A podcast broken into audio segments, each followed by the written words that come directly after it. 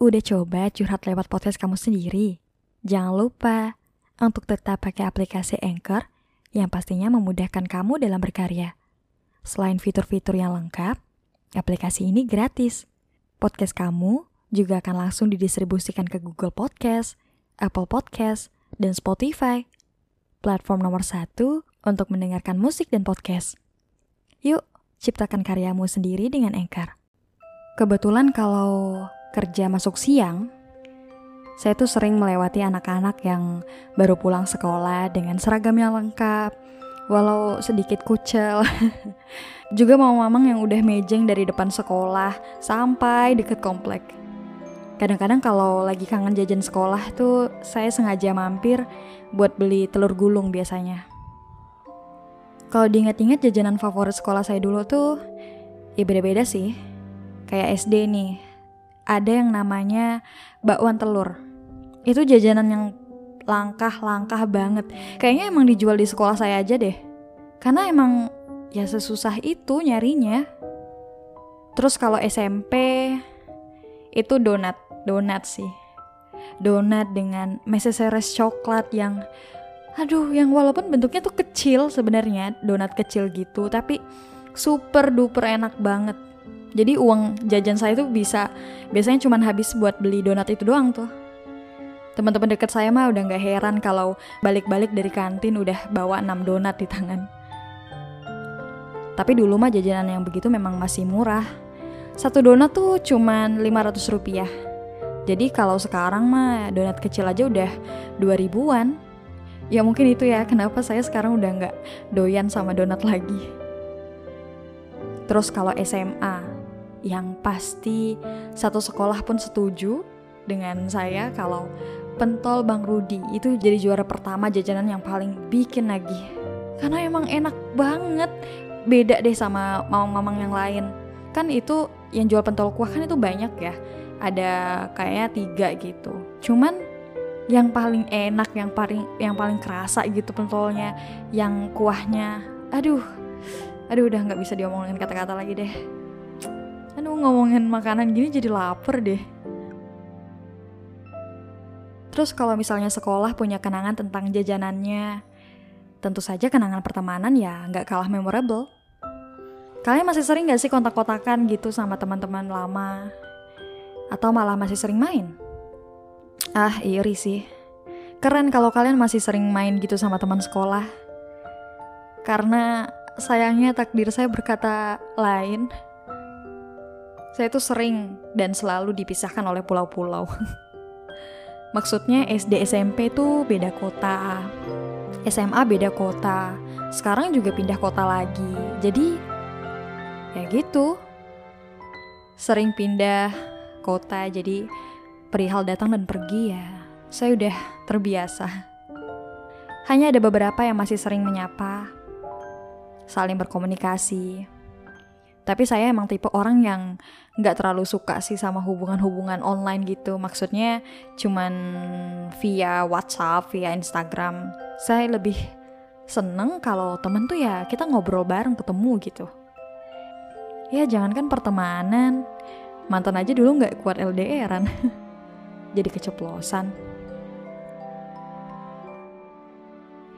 Ya ngomongin kenangan pastinya nggak jauh-jauh sih emang dari cinta monyet cinta di masa sekolah itu ya taunya cuma surat-suratan, ejek-ejekan gitu. Eh saya jadi inget deh, dulu tuh pas kelas 2 SD kalau nggak salah ya, saya tuh ketahuan main surat-suratan sama anak cowok. Eh bukan saya sih.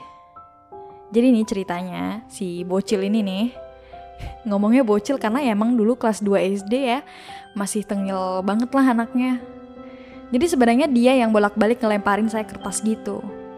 Terus udah berulang kali kan, dia ngelempar, ya saya risih dong. Terus pas saya buka, malah ketahuan. Padahal yang sebelum-sebelumnya saya abaikan aja gitu.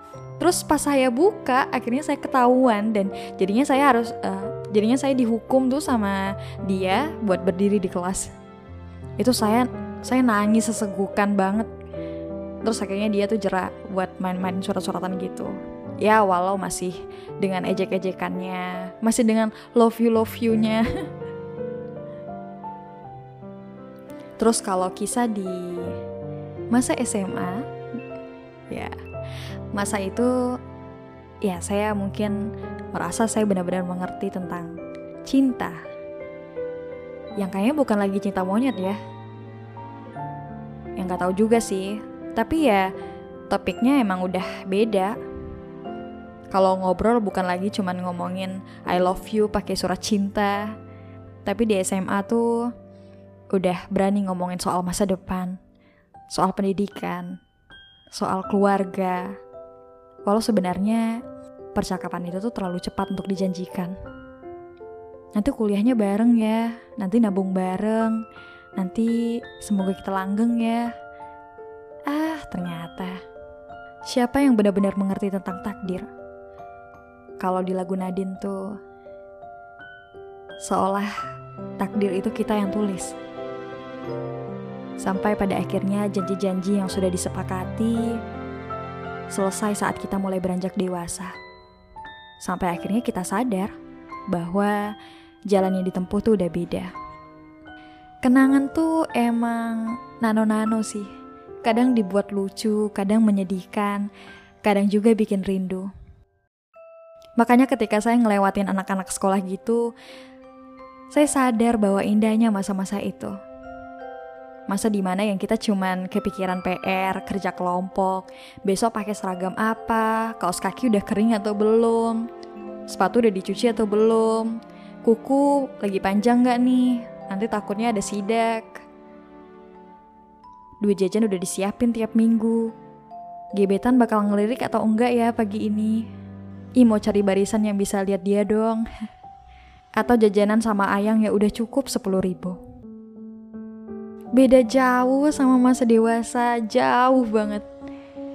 Yang harus kepikiran ngolah uang gimana, tagihan, bayar cicilan, bayar kebutuhan keluarga, disuruh cepat-cepat nikah, nabung buat mahar. Tuntutannya tuh bukan lagi menjadi anak yang rajin sekolah, tapi harus jadi anak yang sukses dan membanggakan. Kalau sekolah ya suksesnya cuma tentang nilai terbaik dan juara kelas.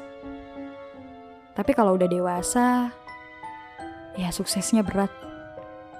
Kerjanya juga harus baik, punya tabungan, punya rumah. Realita hidup sudah dimainkan.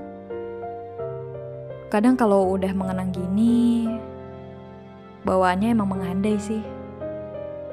Andai masih anak sekolah ya, gak harus kepikiran ini, kepikiran itu. Andai dulu saya begini ya, andai gak perlu begitu. Andai, andai, andai terus. Ya, berandai emang menyenangkan. Tapi seringnya membawa sesak kalau tahu bahwa namanya berandai pada masa lalu yang gak bakal merubah apa pun di masa kini.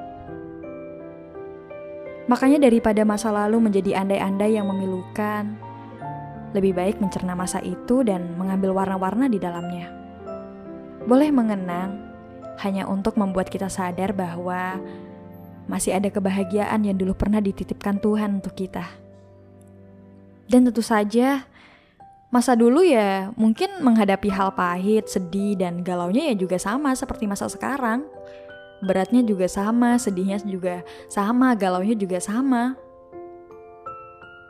Jadi ya pastinya sulitnya kita hari ini, galaunya kita hari ini, pasti juga akan menjadi kenangan di masa nanti yang akan kita tertawakan dan akan kita rindukan.